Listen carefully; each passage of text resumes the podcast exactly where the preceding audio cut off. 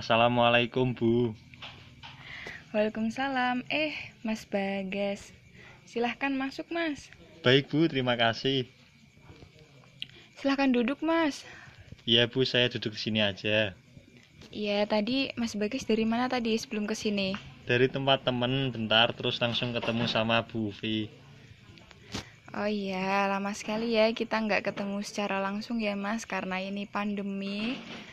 Iya Bu, jenuh sekali semuanya serba online. Iya, Ibu mengerti apa yang kamu rasakan. Oke, Mas Bagas, sebelum konseling hari ini kita kesepakatan waktu dulu ya. Dari Mas Bagas mau berapa jam?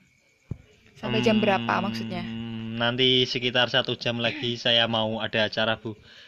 Kalau misalnya konselingnya sekitar 30 menit aja gimana Bu? Hmm, baik. Kebetulan sekitar satu jam lagi Ibu akan ada kelas, jadi konseling hari ini kita cukup hmm, 30 menit saja ya. Iya Bu. Baik, ada apa Mas? Kok tiba-tiba WA eh, ke Ibu mau datang? Saya bingung aja Bu, kok akhir-akhir ini semangat belajar saya menurun dan saya suka mencontek ya? Hmm, sejak kapan kamu merasakan itu? Semenjak pandemi sih Bu. Soalnya sepi juga nggak ada teman, bosen di rumah.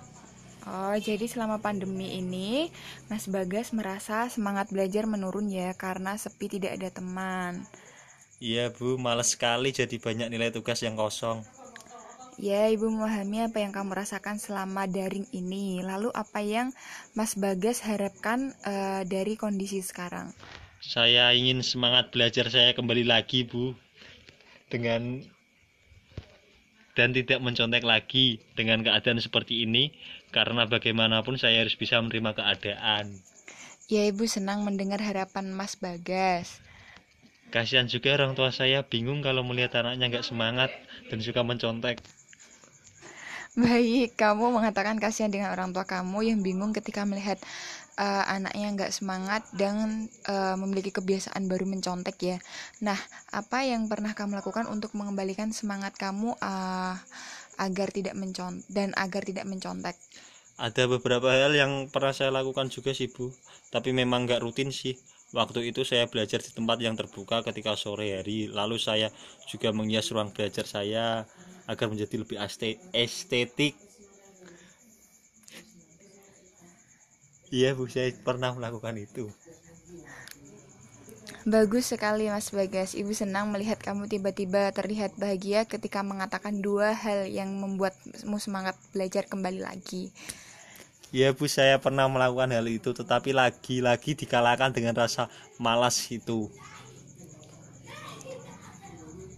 Nah, sekarang Ibu kasih kertas, coba kamu tuliskan hal-hal yang membuat kamu semangat belajar dan lakukan secara rutin.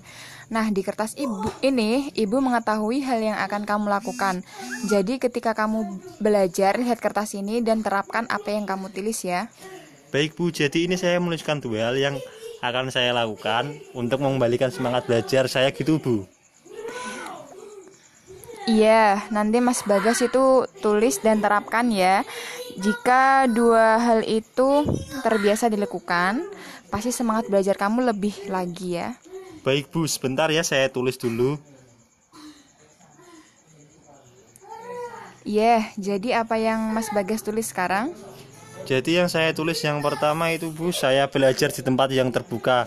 Yang kedua saya menghias tempat belajar saya senyaman mungkin untuk belajar. Dua hal itu mau dimulai kapan, Mas? Nanti sore akan saya lakukan Bu secepatnya. Oke, Mas Bagas, lebih cepat lebih baik ya. Iya Bu, Eh, ada yang ingin disampaikan lagi? cukup sih Bu. Baik, untuk perkembangannya nanti kita eh, konsultasikan lagi ke Ibu ya eh, di konseling berikutnya.